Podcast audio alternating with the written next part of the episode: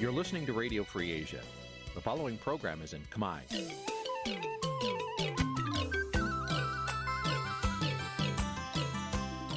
Nǐ chi càm bi tiệp xáy vệt chiu a zì sê ray នេះជាកម្មវិធីផ្សាយរបស់ Vithu Azisari ជាភាសាខ្មែរ វត្តឈូអាស៊ីសេរីសូមស្វាគមន៍លោកអ្នកនាងទាំងអស់ពីរដ្ឋធានី Washington នៃសហរដ្ឋអាមេរិក បាទប្រធានាធិបតី Washington ខ្ញុំបាទទីនសាករិយាសូមជម្រាបសួរលោកនាងកញ្ញាទាំងអស់ជាទីមេត្រីយើខ្ញុំសូមជូនកម្មវិធីផ្សាយសម្រាប់ព្រឹកថ្ងៃអង្គារ10រោចខែភេទរបត់ឆ្នាំខាលចត្វាស័កពុទ្ធសករាជ2566ត្រូវនៅថ្ងៃទី20ខែកញ្ញាគ្រិស្តសករាជ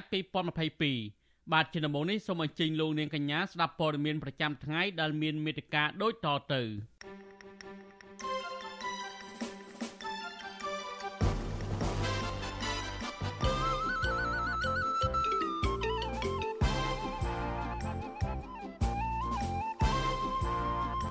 អ្នកគាំទ្រស្នើតុលាការដោះលែងកញ្ញាសេងធារីពីពន្ធនាគារ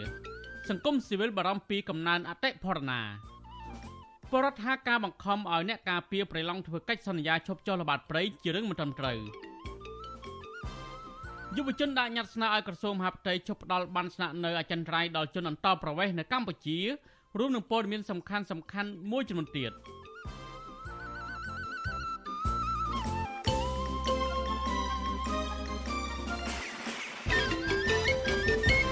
បាទលោកនាយកទីមិត្តរីជាបន្តទៅនេះខ្ញុំបាទសូមជូនព័ត៌មានពុស្ដា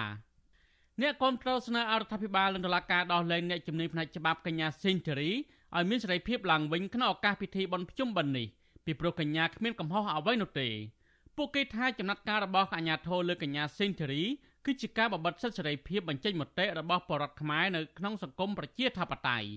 មន្ត្រីសង្គមស៊ីវិលជំរុញអរដ្ឋាភិបាលប្រើវប្បធម៌ចរចាបញ្ចប់វិបត្តិនយោបាយ ដើម្បីផលប្រយោជន៍សង្គមជាតិទាំងមូល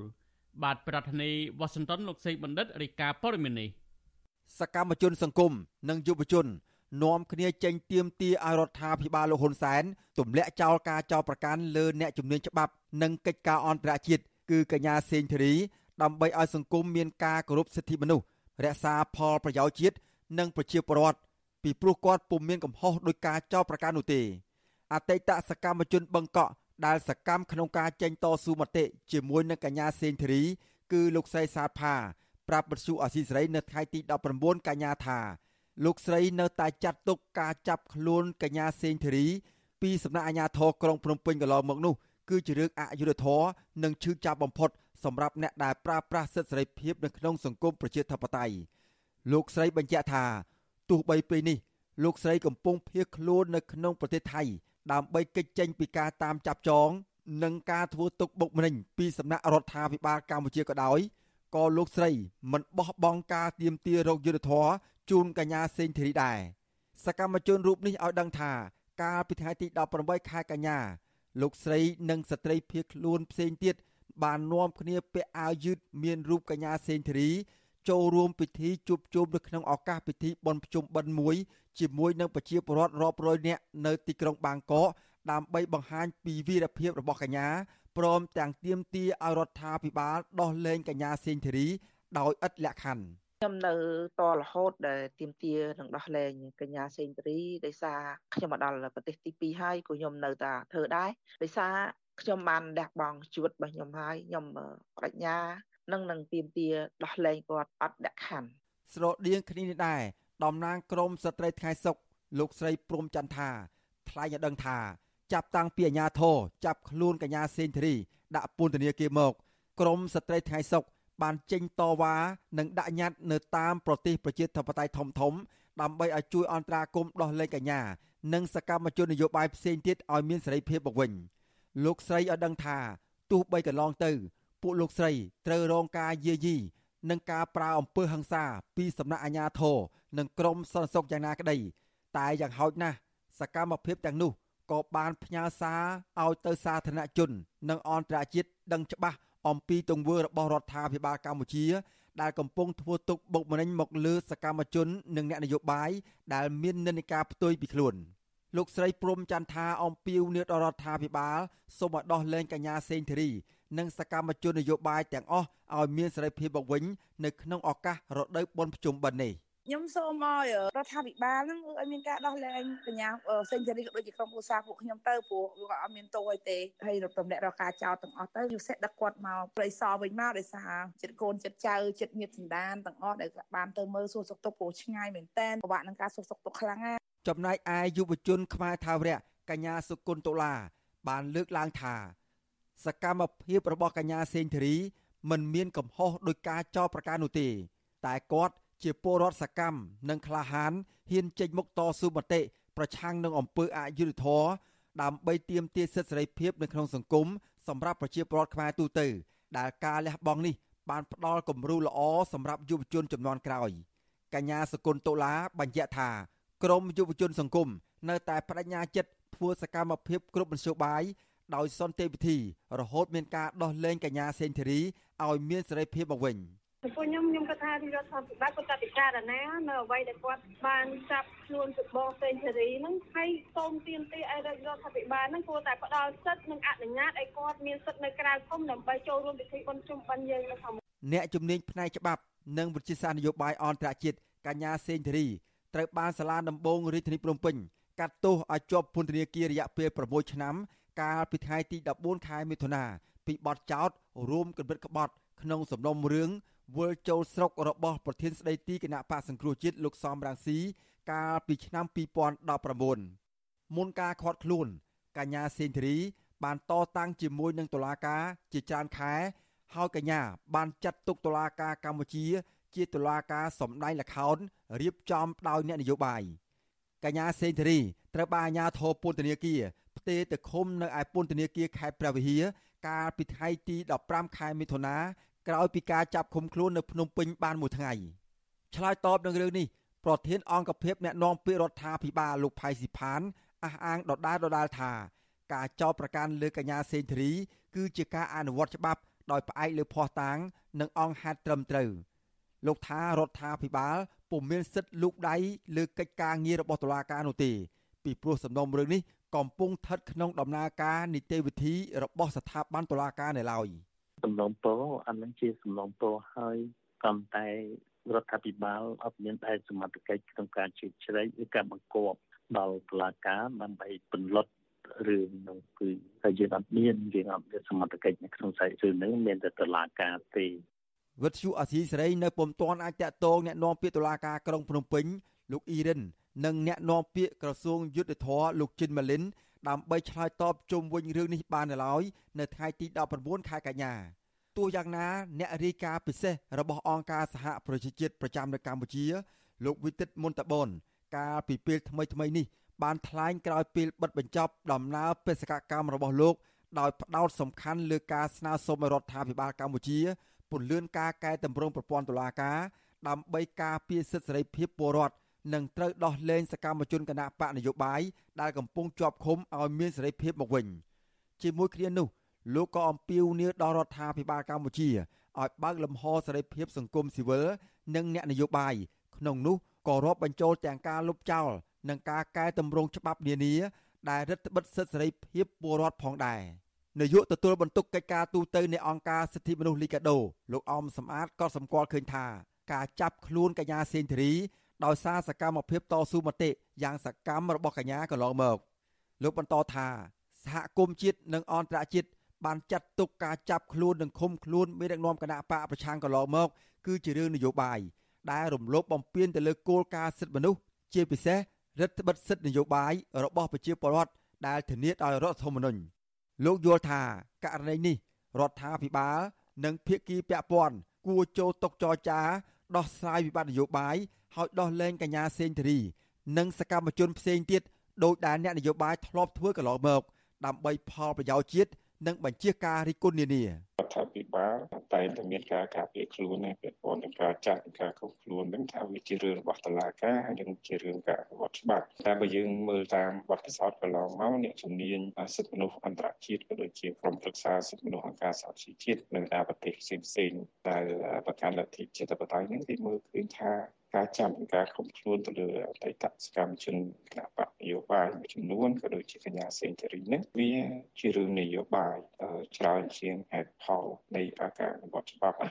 មូលនិធិកូឡូនីសម្រាប់យុទ្ធធរកាលពីថ្ងៃទី15ខែកញ្ញាបានចេញរបាយការណ៍ថ្មីមួយ ស្ដីពីការពិនិត្យអំពីដំណើរការកាត់ក្តីដោយដាក់បន្ទុកឬចំណាត់ថ្នាក់អក្សរ F ឬទាបបំផុត បន្ទាប់ពីបានឃើញថា ការកាត់ទោសមេធាវីខ្មែរអាមេរិកកាំងកញ្ញាសេនធីរីឲ្យជាប់ពន្ធនាគាររយៈពេល6ឆ្នាំនៅក្នុងសំណុំរឿងរួមគំរិតក្បត់ គឺគ្មានភ័ស្តុតាងណាមួយដើម្បីបង្ហាញថាកញ្ញាបានប្រព្រឹត្តបទឧក្រិដ្ឋដោយការចោទប្រកាន់នោះឡើយមូលនិធិខ្លួននេះសម្រាប់យុទ្ធធរស្នើឲ្យតុលាការកម្ពុជាដោះលែងកញ្ញាសេងធារីជាបន្ទាន់និងដោយគ្មានលក្ខខណ្ឌខ្ញុំបាទសេកបណ្ឌិតវិទ្យុអាស៊ីសេរីពីរដ្ឋធានីវ៉ាស៊ីនតោន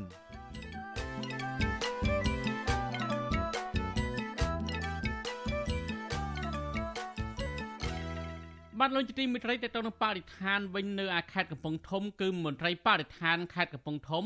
បង្ខំឲ្យបណ្ដាញសហគមន៍ព្រៃឡង់ចំនួន16នាក់ធ្វើកិច្ចសន្យាឈប់ធ្វើសកម្មភាពចុះល្បាតព្រៃអភិរក្សនៅតំបន់ព្រៃឡង់ដោយលើកហេតុផលថាប្រជាពលរដ្ឋទាំងនោះតែងតែចូលល្បាតព្រៃនៅតំបន់ហាមឃាត់ពលរដ្ឋអះអាងថាសកម្មភាពរារាំងរបស់មន្ត្រីបរិស្ថាននេះគឺជាទង្វើមិនត្រឹមត្រូវខណៈដែលបទល្មើសព្រៃឈើនៅតែបន្តកើតមានតែបែរជាមន្ត្រីពាក់ព័ន្ធទាំងនោះ មិនអើពើបង្ក្រាបទៅវិញ បាទប្រធានាធិបតីវ៉ាស៊ីនតោននៃស្រីសុជីវីរាយការណ៍ព័ត៌មាននេះមន្ត្រីបរិស្ថានឲ្យបណ្ដាញសហគមន៍ព្រៃឡង់ធ្វើកិច្ចសន្យាបញ្ឈប់ការចុះល្បាតព្រៃនេះកាលពីថ្ងៃទី18ខែតុលាដោយបានឃាត់ខ្លួនពួកគេណែនាំអស់រយៈពេលជាង1ម៉ោងនៅពេលប្រជាពលរដ្ឋទាំងនោះធ្វើដំណើរចេញពីព្រៃតំបន់ព្រៃសហគមន៍ក្បាលខ្លាដែលស្ថិតនៅក្នុងឃុំសណ្ដានស្រុកសណ្ដានខេត្តកំពង់ធំបន្ទាប់ពីបញ្ចប់ការជួបជុំគ្នា បំពោះដើមឈើនិងពិភាក្សាពីការដាំកូនឈើនៅតំបន់ព្រៃសហគមន៍បណ្ដាញសហគមន៍ព្រៃឡង់ម្នាក់ក្នុងចំណោមទាំង16នាក់ដែលអាជ្ញាធរបានឃាត់ឲ្យធ្វើកិច្ចសន្យាដែរនោះគឺលោកស្រីថៃលោកប្រាប់វិទ្យុអាស៊ីសេរីកាលពីថ្ងៃទី19ខែកញ្ញាថាមន្ត្រីបរិស្ថានខេត្តកំពង់ធំបានឃាត់ខ្លួនប្រជាសហគមន៍ព្រៃឡង់ក្នុងគោលបំណងឲ្យព្រមធ្វើកិច្ចសន្យាបញ្ឈប់ចុះល្បាតព្រៃឡង់ដោយខុសច្បាប់លោកហួសចិត្តដោយសារតែការហាមឃាត់ប្រជាសហគមន៍នេះ ធ្វើឡើងនៅពេលដែលតំបន់ព្រៃឡង់បច្ចុប្បន្នកំពុងតែមានបទល្មើសអាឈើកាន់តែច្រើនប៉ុន្តែមន្ត្រីពាក់ព័ន្ធទាំងនោះមិនចុះបង្ក្រាបឡើយលោកបន្តថាមន្ត្រីបរិស្ថាននាំគ្នា6នាក់មកឈរចាំឃាត់ពួកគាត់ចេញពីព្រៃសហគមន៍ដែលស្ថិតនៅចំណុចចំការកៅស៊ូក្រុមហ៊ុន CRCK និងក្រុមហ៊ុនធីងាអភិវឌ្ឍនិងវិនិយោគរបស់អ្នកស្រីសេងគៀងក្នុងឃុំដងកំបិតស្រុកសណ្ដានខេត្តកំពង់ធំព្រំប្រទល់ឃុំរៀបរយស្រុករវៀងខេត្តព្រះវិហារ លោកបន្តថាប្រជាសហគមន៍ទាំង16នាក់មិនព្រមធ្វើកិច្ចសន្យានោះទេដោយគ្រាន់តែផ្ដាល់ឈ្មោះនិងប្រាប់ពីភូមិដែលពួកគាត់រស់នៅប៉ុណ្ណោះអឺចំពោះបទល្មើសដែលដែលលោករៀនទន្ទានព្រៃច្រើនពេកគាត់អត់បានធ្វើអីផងបែរជាគាត់សងំសុកទៅវិញបានន័យថាខ្ញុំចង់ឲ្យអ្នកច្បាប់ទាំងអស់បេកញែកនិងពិចារណាមើលថាតើពួកខ្ញុំធ្វើនេះវាខុសនឹងគោលការណ៍ច្បាប់ឬខុសនឹងមេត្រាណាខុសច្បាប់បរិស្ថានបើខុសនឹងខុសនឹងមេត្រាណា បើខុសច្បាប់ព្រៃឈើខុសនឹងមេត្រាណាបើខុសច្បាប់ធម្មនុញ្ញវាខុសនឹងច្បាប់ណាសូមឲ្យបង្កាត់បង្ហាញផងហើយប៉ុន្តែសេចក្តីចុងក្រោយចំពីនីអរិយរដ្ឋាភិបាលគួរតែពិចារណាគួរតែពិនិត្យមើលមន្ត្រីក្នុងស្ថាប័នរដ្ឋទាំងអស់ដែលគាត់ធ្វើទាំងធ្វើមកលើពួកខ្ញុំដែលជាមនុស្សផ្នែកធម្មជាតិពិតប្រាកដស្រាវជ្រាវទៅ ដើម្បីវេកថាជនណាខ្លះដែលបង្កអស្ថិរភាពមិនអោយប្រជាពលរដ្ឋចូលរួមការពារប្រឈើនោះសូមឲ្យគាត់ឆ្លើយនិងបំភ្លឺឲ្យយើងខ្ញុំបានដឹងផង ឆ្លើយតបនឹងរឿងនេះអ្នកនាំពាក្យក្រសួងបរិស្ថានលោកនេតភក្ត្រាប្រាប់វិទ្យុអាស៊ីសេរីនៅថ្ងៃទី19ខែកញ្ញាថាក្រសួងបរិស្ថានគាំទ្រចំពោះសកម្មភាពចូលរួមរបស់ប្រជាសហគមន៍ក្នុងការការពារធនធានធម្មជាតិដែលស្របតាមច្បាប់តែប៉ុណ្ណោះចំណែកការចុះហាមឃាត់ឬធ្វើកិច្ចសន្យាណាមួយរបស់មន្ត្រីបរិស្ថាន គឺជារឿងដែលត្រឹមត្រូវដោយសារពលរដ្ឋទាំងនោះធ្វើខុសច្បាប់ ចំណែកមន្ត្រីសម្របសម្រួលគម្រោងនៃសមាគមបណ្ដាញយុវជនកម្ពុជាហៅកាត់ថា CYN លោកអូតឡាទីនមើលឃើញថាមន្ត្រីបរិស្ថានតែងធ្វើទុកបុកម្នេញប្រជាសហគមន៍ជាបន្តបន្ទាប់ដែលទង្វើនេះផ្ទុយពីគោលនយោបាយរបស់រដ្ឋាភិបាលដែលថាជំរុញឲ្យមានការចូលរួមពីសំណាក់សហគមន៍មូលដ្ឋានក្នុងការអភិរក្សព្រៃធម្មជាតិលោកសង្កត់ធ្ងន់ថាការរារាំងនេះជាការរំលោភសិទ្ធិពលរដ្ឋយ៉ាងធ្ងន់ធ្ងរហើយការការពារព្រៃឈើនេះ មិនមែនជាកាតព្វកិច្ចរបស់មន្ត្រីបរិស្ថានតែម្នាក់ឯងនោះទេប៉ុន្តែក៏ជាបន្ទុករបស់ប្រជាពលរដ្ឋដែលត្រូវចូលរួមយ៉ាងសកម្មផងដែរកិច្ចការងាររបស់មន្ត្រីធ្វើកិច្ចការងារបង្ក្រាបបទល្មើសធ្វើការអនុវត្តច្បាប់ប៉ុន្តែគាត់មិនអនុវត្តកិច្ចការងារនឹងទេគាត់ងាកមកតាមដានតែក្រុមអ្នកទៅចូលរួមការពារវិញហើយតាមដានក្រមបណ្ដាញសហគមន៍ពីឡង់ខេតខេតព្រះវិហារនេះគឺពេលដែលมันឃើញពួកគាត់នៅផ្ទះទៅតាមរស់នៅក្នុងព្រៃ តាមរស់ពួកគាត់នៅក្នុងព្រៃដល់ពេលដែលมันឃើញពួកគាត់នៅក្នុងព្រៃជួបពួកគាត់តាមផ្លូវតម្រូវឲ្យពួកគាត់ចោះកិច្ចសន្យាឲ្យសួរនាំពួកគាត់កាក់សួរនាំខ្វះហេតុផលខ្វះមូលដ្ឋានច្បាស់លាស់អញ្ចឹងបើសិនជាពួកគាត់ធ្វើការងារទប់ស្កាត់បទល្មើសដែលកើតមាននៅក្នុងតំបន់ព្រៀងឲ្យដូចដែលពួកគាត់តាមខ្លងមើលក្រមសកម្មភាពរបស់ក្រមបណ្ដាញសហគមន៍ពីឡង់នេះខ្ញុំគិតថាបញ្ហាបទល្មើសព្រៃឈើនៅក្នុងតំបន់ពីឡង់វាលែងកើតមានទៀតហើយបើសិនជាពួកគាត់ធ្វើកិច្ចការងារបែបហ្នឹង មន្ត្រីសម្របសម្រួលគម្រោងនិងជាអ្នកដែលតែងតែចូលរួមជាមួយសហគមន៍ចុះល្បាតព្រៃនៅតំបន់ព្រៃឡង់រូបនេះឲ្យដឹងទៀតថាបញ្ហាបទល្មើសនៅតំបន់ព្រៃអភិរក្សកើតមានជាហូរហែមិនមែនខ្វះមន្ត្រីបរិស្ថានចុះបង្ក្រាបទេប៉ុន្តែអ្វីដែលជាក្តីបារម្ភនោះគឺដោយសារតែមន្ត្រីទាំងនោះមិនអនុវត្តឲ្យបានត្រឹមត្រូវក្នុងនាមជាអ្នកបង្ក្រាបបទល្មើសអាឈើលោកសង្កេតឃើញថាអស់រយៈពេលជាច្រើនខែមកនេះមន្ត្រីបរិស្ថានតែងតែដាក់ចំណុចគោលដៅទៅលើប្រជាសហគមន៍ ដែលតែងតែចុះថតភ័ស្តុតាងបទល្មើសអាឈើចំណែកអ្នកប្រព្រឹត្តបទល្មើសជាក់ស្ដែងមន្ត្រីបរិស្ថានទាំងនោះហាក់មិនអើពើនោះឡើយសង្គមស៊ីវិលនិងប្រជាពលរដ្ឋមើលឃើញថាប្រសិនបរដ្ឋាភិបាលចង់ដោះស្រាយបញ្ហាព្រៃឈើជាពិសេសព្រៃឡង់លុះត្រាតែរដ្ឋាភិបាលពិនិត្យមើលមន្ត្រីថ្នាក់ក្រោមរួមទាំងថ្នាក់ជាតិកុំឲ្យមានអំពើពុករលួយហើយបើកលំហសិទ្ធិសេរីភាពមូលដ្ឋានរបស់ប្រជាសហគមន៍និងសង្គមស៊ីវិលឲ្យចូលរួមយ៉ាងសកម្ម ទើបអាចការពារព្រៃឈើបានប៉ុន្តែប្រសិនបរដ្ឋាភិបាលនៅតែបន្តធ្វើទុកបុកម្នេញប្រជាសហគមន៍មូលដ្ឋានដោយពេលបច្ចុប្បន្ននេះនឹងមានផលប៉ះពាល់ធ្ងន់ធ្ងរដល់ប្រជាពលរដ្ឋនិងសង្គមជាតិទាំងមូលដោយសារបាត់បង់គម្របព្រៃឈើពាក់ព័ន្ធនឹងបញ្ហានេះសហរដ្ឋអាមេរិកកាលពីខែមិថុនាឆ្នាំ2021បានប្រកាសបញ្ចប់ជំនួយដល់រដ្ឋាភិបាលកម្ពុជាក្រោមគម្រោងព្រៃឡង់បៃតងដោយលើកហេតុផលថាបញ្ហាមិនត្រូវបានដោះស្រាយ ដែលបណ្ដាលឲ្យបទល្មើសចេះតែបន្តកើតមានកាន់តែខ្លាំងសកម្មជនប្រៃឈើនៅតែបន្តទទូចឲ្យក្រសួងបរិស្ថានពង្រឹងការអនុវត្តច្បាប់ឲ្យបានតឹងរឹងនិងលុបបំបាត់ក្រុមហ៊ុនរកស៊ីអាឈើដោយខុសច្បាប់នេះខ្ញុំសុជីវីវិទ្យុអាស៊ីសេរីពីរដ្ឋធានី Washington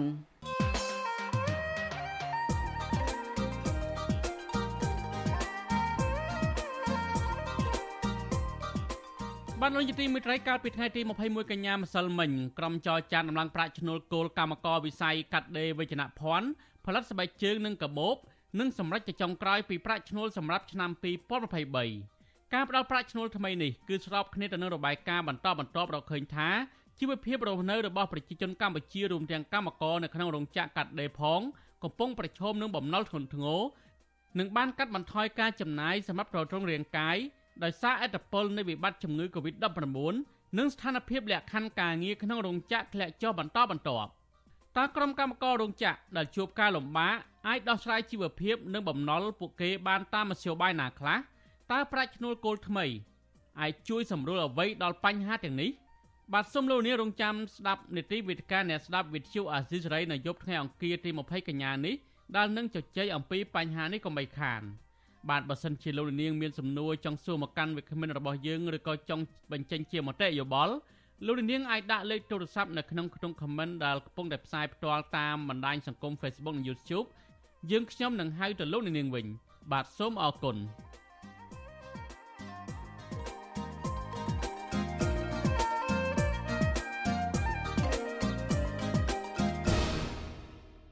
បាទលោកទីមេត្រីតទៅនឹងជនអន្តរប្រវេសនៅកម្ពុជាវិញបរដ្ឋចំនួន5នាក់តំណាងឲ្យប្រជាពលរដ្ឋជាង1000នាក់កាលពីព្រឹកថ្ងៃទី19កញ្ញាបានដាក់ញត្តិស្នើសុំឲ្យក្រសួងមហាផ្ទៃបញ្ឈប់ការផ្ដាល់បានស្នាក់នៅអចិន្ត្រៃយ៍ដល់ជនអន្តរប្រវេសនៅកម្ពុជាមន្ត្រីសង្គមស៊ីវិលគាំទ្រញត្តិរបស់ក្រមប្រជាពលរដ្ឋហើយលើកឡើងថាការស្នើសុំនេះមិនមែនជាការរើសអើងជាតិសាសន៍អ្វីនោះទេប៉ុន្តែជាការគិតគូរពីផលប្រយោជន៍ប្រទេសជាតិ និងបរដ្ឋខ្មែរដើម្បីការពារបូរណភាពទឹកដីតំណាងក្រមយុវជនលោក Tel Thilen ប្រាប់វិទ្យុអសិរ័យថាញត្តិដែលលោកបានដាក់ជូនក្រសួងមហាផ្ទៃបានភ្ជាប់ស្នាមមេដៃនិងលេខអត្តសញ្ញាណប័ណ្ណពីប្រជាពលរដ្ឋជាង1000នាក់គាំទ្រស្នើសុំឲ្យក្រសួងមហាផ្ទៃបញ្ឈប់ការផ្ដល់លិខិតស្នាក់នៅអចិន្ត្រៃយ៍ដល់ជនអន្តោប្រវេសន៍លោក Tel Thilen បន្ថែមថាបច្ចុប្បន្នមានជនជាតិវៀតណាមរាប់ពាន់នាក់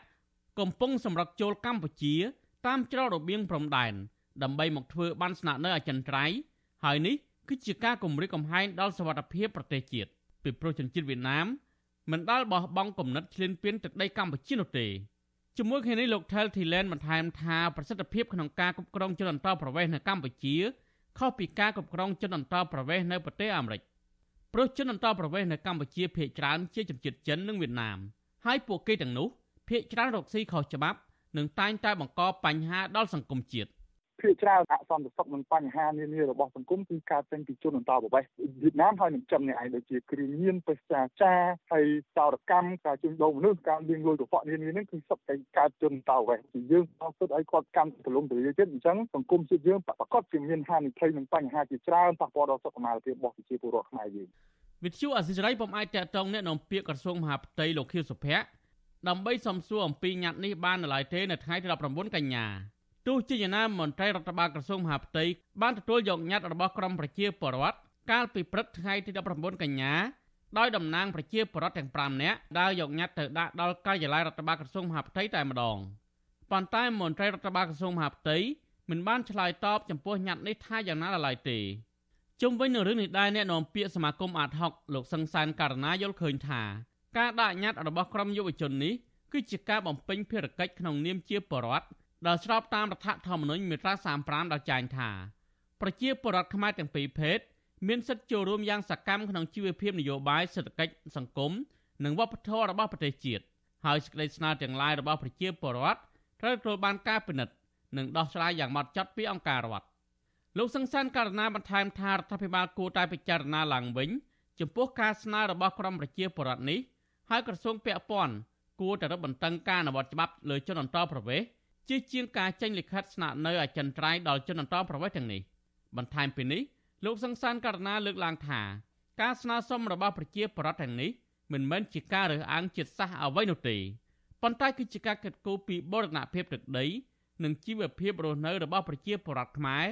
តាមរយៈការកាត់បន្ថយសកម្មភាពខុសច្បាប់របស់ជនអន្តោប្រវេសន៍តែប៉ុណ្ណោះ លក្ខណៈជាសកលធ្វើច្បាប់តែគេមិនឲ្យមានការរើសអើងមែនប៉ុន្តែបញ្ហានេះវាហាក់ដូចជាមិនមានន័យបញ្ជាក់ទៅលើបញ្ហារើសអើងទេពីព្រោះជនជាតិវៀតណាមគេមានប្រទេសរបស់គេដែរយើងក៏មានប្រទេសរបស់យើងហើយពលរដ្ឋយើងក៏គេមានសិទ្ធិក្នុងការស្រឡាញ់ប្រទេសស្រឡាញ់ទឹកដីគេចង់រក្សាទឹករក្សាដីរក្សាប្រទេសហ្នឹងដើម្បីជាប្រយោជន៍ដល់ពលរដ្ឋខ្មែរផងដែរបន្ទាប់ពីដាក់ញត្តិនៅក្រសួងមហាផ្ទៃលោក Tel Thilen បានប្រកាសថា លោកនឹងប្រមូលផ្ដុំប្រជាពលរដ្ឋតវ៉ាដោយអហិង្សានៅទីលានប្រជាធិបតេយ្យដើម្បីស្នើសុំរដ្ឋាភិបាល បញ្ចុះផ្ដាល់បានស្នាក់នៅអចិន្ត្រៃយ៍ដល់ជនអន្តោប្រវេសន៍និងស្នើសុំកុំឲ្យបង្រៀនអក្សរសាស្ត្រវៀតណាម នៅសាកលវិទ្យាល័យភូមិន្ទភ្នំពេញក្រោយពីពិធីប្រជុំបិណ្ឌនេះកន្លងមកប្រជាពលរដ្ឋមន្ត្រីអង្គការសង្គមស៊ីវិលនិងគណៈបកភ្លើងទៀនបានបង្ហាញក្តីបារម្ភថា ការផ្ដាល់បានស្នាក់នៅអចិន្ត្រៃយ៍ដល់ជនអន្តោប្រវេសន៍នេះ គឺជាការលើកទឹកចិត្តដល់ជនអន្តោប្រវេសន៍ខុសច្បាប់និងធ្វើឲ្យជនអន្តោប្រវេសន៍ខុសច្បាប់ចូលមករស់នៅកម្ពុជាកាន់តែច្រើនថែមទៀត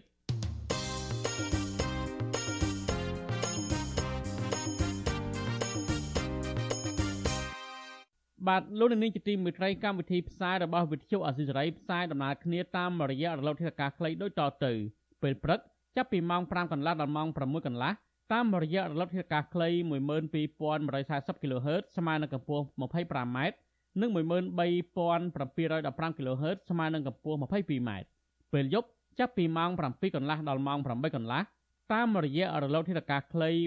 9560 kHz ស្មើនឹងកម្ពស់ 30m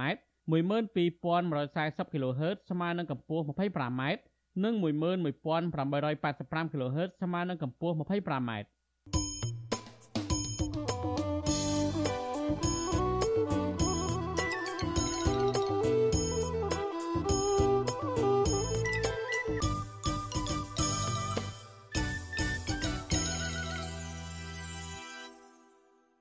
បាទលោកជាទីមេត្រីតទៅនឹងបញ្ហាសេដ្ឋកិច្ចនៅកម្ពុជាដែលទំនិញសពសារពើកំពុងតែឡើងថ្លៃនេះវិញអង្គការសង្គមស៊ីវិលបារម្ភពីស្ថានភាពសេដ្ឋកិច្ចនៅកម្ពុជាថាអាចប្រឈមនឹងកំណើនអតិផរណា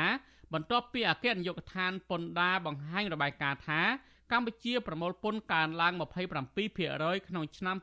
2022ពួកគាត់លើកឡើងថាកំណើនអតិផរណាឬទំនិញឡើងថ្លៃលុយចោះថោកនេះធ្វើឲ្យជីវភាពបរិវត្តកាន់តែធ្លាក់ចុះនៅក្នុងបន្ទាត់ភាពក្រីក្រ ស្របពេលកម្ពុជាកំពុងតែមានអតិផរណាស្រាប់នោះនិវិភាគយល់ថាកម្ពុជាគួរប្រើប្រាស់ថាវិការដ៏ច្រើនដែលបានមកពីការប្រមូលពន្ធនេះមកអភិវឌ្ឍប្រទេសជាតិឲ្យមានតុល្យភាពដើម្បីជៀសវាងការខ្ចីបំណុលពីបរទេសបន្ថែមទៀតបាទប្រធានាធិបតីវ៉ាស៊ីនតោនលោកលេងម៉ាលីរាយការណ៍ព័ត៌មាននេះសេចក្តីប្រកាសរបស់អគ្គនាយកដ្ឋានពន្ធដារឆ្នាំ2022បង្ហាញថាចាប់ពីខែមករាដល់ខែសីហា អគ្គនាយកដ្ឋានបានប្រមូលពន្ធចូលជាតិសរុបជាង2400លានដុល្លារមានការកើនឡើងជាង27%ធៀបនឹងឆ្នាំមុនទំហំថវិកាដែលសម្រេចបាននេះគឺស្មើនឹងជាង86%នៃផែនការប្រចាំឆ្នាំ2022របាយការណ៍នេះបានបង្កជាក្តីព្រួយបារម្ភដល់អង្គការសង្គមស៊ីវិលពីស្ថានភាពជីវភាពប្រជាពលរដ្ឋនិងកំណើនអតិផរណា ប្រធានសមាគមប្រជាធិបតេយ្យឯករាជ្យនៃសេដ្ឋកិច្ចក្រៅប្រព័ន្ធ លោកវុនពៅប្រាប់វិទ្យុអស៊ីសេរីនៅថ្ងៃទី19កញ្ញាថាកំណើនពន្ធដារស្របពេលដែលអតិផរណាហក់ឡើងខ្ពស់ដូច្នេះជាសញ្ញាអាក្រក់ដែលនាំឲ្យទំនិញលើទីផ្សារកាន់តែថ្លៃលោកថាការប្រមូលពន្ធដារកើនឡើង ជាសញ្ញាមួយបង្ហាញថាសេដ្ឋកិច្ចមានការរីកចម្រើន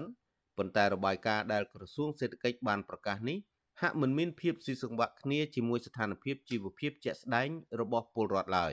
លោកបន្ថែមទៀតថា បច្ចុប្បន្នប្រជាពលរដ្ឋកម្ពុជាកំពុងធ្លាក់ចូលទៅក្នុងបន្ទាត់នៃភាពក្រីក្រកាន់តែមានចំនួនកើនឡើង មានប្រាក់ចំណូលទាបស្របពេលកម្ពុជាកំពុងតែមានអតិផរណាផងនោះហើយអញ្ចឹងខ្ញុំគិតថាវាហាក់ដូចជាវាអត់ស៊ីគ្នាមិនរបាយការណ៍រវាងរដ្ឋកកយហើយនិងរបាយការណ៍ក្រសួងសេដ្ឋកិច្ចរដ្ឋខោដែលជាស្នាដិការរបស់រដ្ឋាភិបាលនោះវាហាក់ដូចជាមិនស៊ីគ្នាមិនហើយថាវិការជាតិនៅតែខ្វះជារៀងរាល់ឆ្នាំអាហ្នឹងខ្ញុំគិតថាវាជារឿងមួយដែលខ្ញុំកំពុងតែមានចងល់អញ្ចឹងដែរវាហេតុអី របាយការណ៍ធនាគារពិភពលោកឆ្នាំ2022នេះបង្ហាញថាពលរដ្ឋខ្មែរជិត2លាននាក់បានធ្លាក់ខ្លួនក្រីក្រដោយសារតែវិបត្តិជំងឺ Covid-19 ក្នុងឆ្នាំ2020ធ្វើឲ្យចំនួនអ្នកក្រនៅកម្ពុជានឹងកើនឡើងដល់4លាននាក់ក្នុងចំណោមពលរដ្ឋសរុបជាង15លាននាក់អ្នកជំនាញផ្នែកវិទ្យាសាស្ត្រនយោបាយលោកអែមសវណ្ណារាលើកឡើងថាកំណើននៃការប្រមូលពន្ធចូលជាតិទំនងមិនមែនជាមូលហេតុដែលនាំឲ្យមានអតិផរណានោះទេ តែទោះជាយ៉ាងនេះក្តីលោកយល់ឃើញថាក្នុងពេលកម្ពុជាកំពុងមានកំណើនអតិផរណាផងនោះរដ្ឋាភិបាលគួរគ្រប់គ្រងនិងស្ដារស្ថានភាពសេដ្ឋកិច្ចប្រទេសឡើងវិញ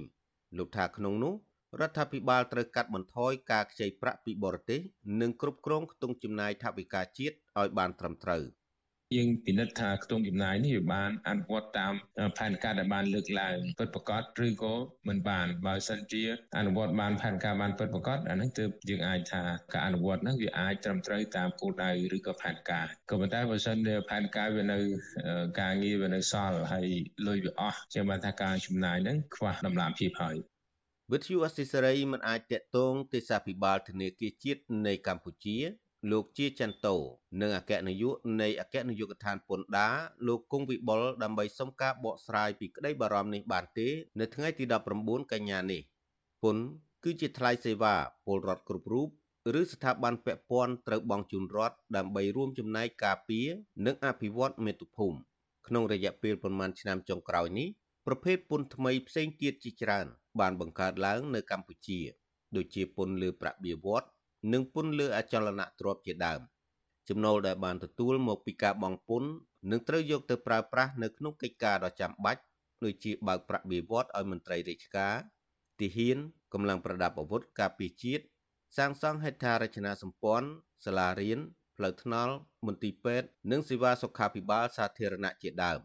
ទាក់ទិនរឿងនេះស្ថាបនិកចលនាមេដាធម្មជាតិលោក Alex Gonzalez Davidson លើកឡើងថា ទោះបីលោកមិនសូវមានការជឿជាក់លើរបាយការណ៍របស់អគ្គនាយកដ្ឋានពន្ធដារក៏ពិតមែនប៉ុន្តែតួលេខនេះបង្ហាញឲ្យឃើញថារដ្ឋាភិបាលលោកហ៊ុនសែនគិតគូររឿងប្រមូលលុយចូលជាតិជាជាងជួយប្រជារាស្ត្រលោកបន្តថាអ្វីដែលរដ្ឋាភិបាលគួរធ្វើគឺការយកចិត្តទុកដាក់លើការស្ដារប្រទេសឡើងវិញក្រោយពីវិបត្តិជំងឺ Covid-19 គ្រប់គ្រងតម្លៃទំនិញនិងប្រេងឥន្ធនៈនិងលើកកម្ពស់ជីវភាពប្រជាពលរដ្ឋជាពិសេស ស្របពេលកម្ពុជាកំពុងមានកំណើនអតិផរណាផងនោះជាណាក្តីលោកបន្ថែមថាទោះបីការប្រមូលពន្ធពីពលរដ្ឋបានច្រើនយ៉ាងណាក្តីរដ្ឋាភិបាលលោកហ៊ុនសែននៅតែបន្តខ្ចីបុលបរទេសជាពិសេសប្រទេសចិនយកមកទប់ទល់ស្ថានភាពសេដ្ឋកិច្ចដើម្បីរក្សាអំណាចរបស់ខ្លួនពីព្រោះយើងដឹងថារបបប្រជាការដែលសបូលុយអាហ្នឹងអំណាចគឺស្ថិរភាពហ៎ អំណាចគឺរឹងមាំឯងប៉ុន្តែរបបប្រជាការដែលមិនផ្ដល់សិទ្ធិសេរីភាពដល់ប្រជាជនផងហើយមានវិបត្តិសេដ្ឋកិច្ចរហូតដល់ខ្សែធនអាហ្នឹងគឺប៉ះពាល់ទៅលើស្ថិរភាពនយោបាយរបស់របបប្រជាការហ្នឹងធនធានជាតិនៃកម្ពុជាកាលពីខែឧសភា បានប្រកាសពីកំណើនអតិផរណារបស់កម្ពុជាឡើងដល់7.2%ដែលជាកម្រិតខ្ពស់បំផុតមិនធ្លាប់មានគិតត្រឹមរយៈពេល10ឆ្នាំចុងក្រោយនេះ ប៉ុន្តែកំណើននេះត្រូវបានអ្នកវិភាគមើលឃើញថាមានចំនួនច្រើនជាង10%ឯណោះមន្ត្រីរបស់ធនាគារនេះបានដាក់បន្ទុកការកើនឡើងអតិផរណាថាបណ្ដាលមកពីវិបត្តិសង្គ្រាមរវាងរុស្ស៊ីនិងអ៊ុយក្រែនដែលជះឥទ្ធិពលលើតម្លៃប្រេងឥន្ធនៈនិងម្ហូបអាហារពិភពលោកប៉ុន្តែសម្រាប់អង្គការសង្គមស៊ីវិលមើលឃើញថាអតិផរណានៅពេលនេះគឺបណ្ដាលមកពីអនុភាពចិញ្ចីងសេដ្ឋកិច្ចដោយសារការនាំចូលទំនិញពីក្រៅប្រទេសច្រើនជាងការនាំចេញ រដ្ឋាភិបាលមិនយកចិត្តទុកដាក់ដោះស្រាយបញ្ហាតម្លៃប្រេងសាំងនិងការផ្សព្វផ្សាយបំផោងរបាយការណ៍កំណើនសេដ្ឋកិច្ចជាដើមខ្ញុំបាទលេងម៉ាលីវិទ្យុអាស៊ីសេរីរាយការណ៍ពីរដ្ឋធានី Washington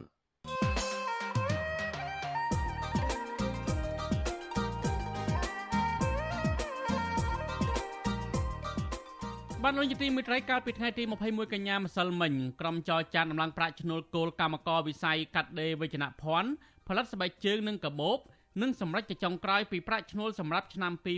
2023ការផ្ដល់ប្រាក់ឈ្នួលថ្មីនេះគឺស្របគ្នាទៅនឹងរបាយការណ៍បន្តបន្ទាប់រកឃើញថាជីវភាពរស់នៅរបស់ប្រជាជនកម្ពុជារួមទាំងកម្មករនៅក្នុងរោងចក្រកាត់ដេរផងកំពុងប្រឈមនឹងបំណុលធ្ងន់ធ្ងរនិងបានកាត់បន្ថយការចំណាយសម្រាប់ទ្រទ្រង់រាងកាយដោយសារអត្តពលនៃវិបត្តិជំងឺ Covid-19 និងស្ថានភាពលក្ខខណ្ឌការងារក្នុងរោងចក្រធ្លាក់ចុះបន្តបន្ទាប់ តើក្រុមកម្មកររោងចក្រដែលជួបការលំបាកអាចដោះស្រាយជីវភាពនិងបំណុលពួកគេបានតាមមធ្យោបាយណាខ្លះតើប្រាច់ឈ្នួលគោលថ្មីអាចជួយសម្រួលអ្វីដល់បញ្ហាទាំងនេះបាទសូមលោកនាងរងចាំស្ដាប់នីតិវិទ្យាអ្នកស្ដាប់វិទ្យុអាស៊ីសេរីនៅយប់ថ្ងៃអង្គារទី20កញ្ញានេះដែលនឹងជជែកអំពីបញ្ហានេះកុំបីខានបាទបើសិនជាលោកនាងមានសំណួរចង់សួរមកកាន់វិក្កាមរបស់យើងឬក៏ចង់បញ្ចេញជាមតិយោបល់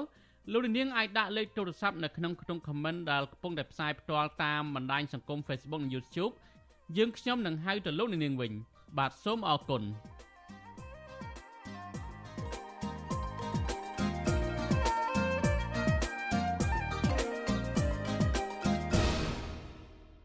បាទលោកនាងជាទីមេត្រីកម្មវិធីផ្សាយរបស់វិទ្យុអាស៊ីសេរីផ្សាយដំណើរគ្នាតាមរយៈរលកធាតុអាកាសខ្លីដូចតទៅពេលព្រឹក ចាប់ពីម៉ោង5កន្លះដល់ម៉ោង6កន្លះតាមរយៈរលកធាតុអាកាសខ្លី12140 kHz ស្មើនឹងកម្ពស់ 25m និង13715 kHz ស្មើនឹងកម្ពស់ 22m ពេលយប់ចាប់ពីម៉ោង7កន្លះដល់ម៉ោង8កន្លះតាមរយៈរលកធាតុអាកាសខ្លី9560 kHz ស្មើនឹងកម្ពស់ 30m 12140 kHz ស្មើនឹងកម្ពស់ 25m និង11885 kHz ស្មើនឹងកម្ពស់ 25m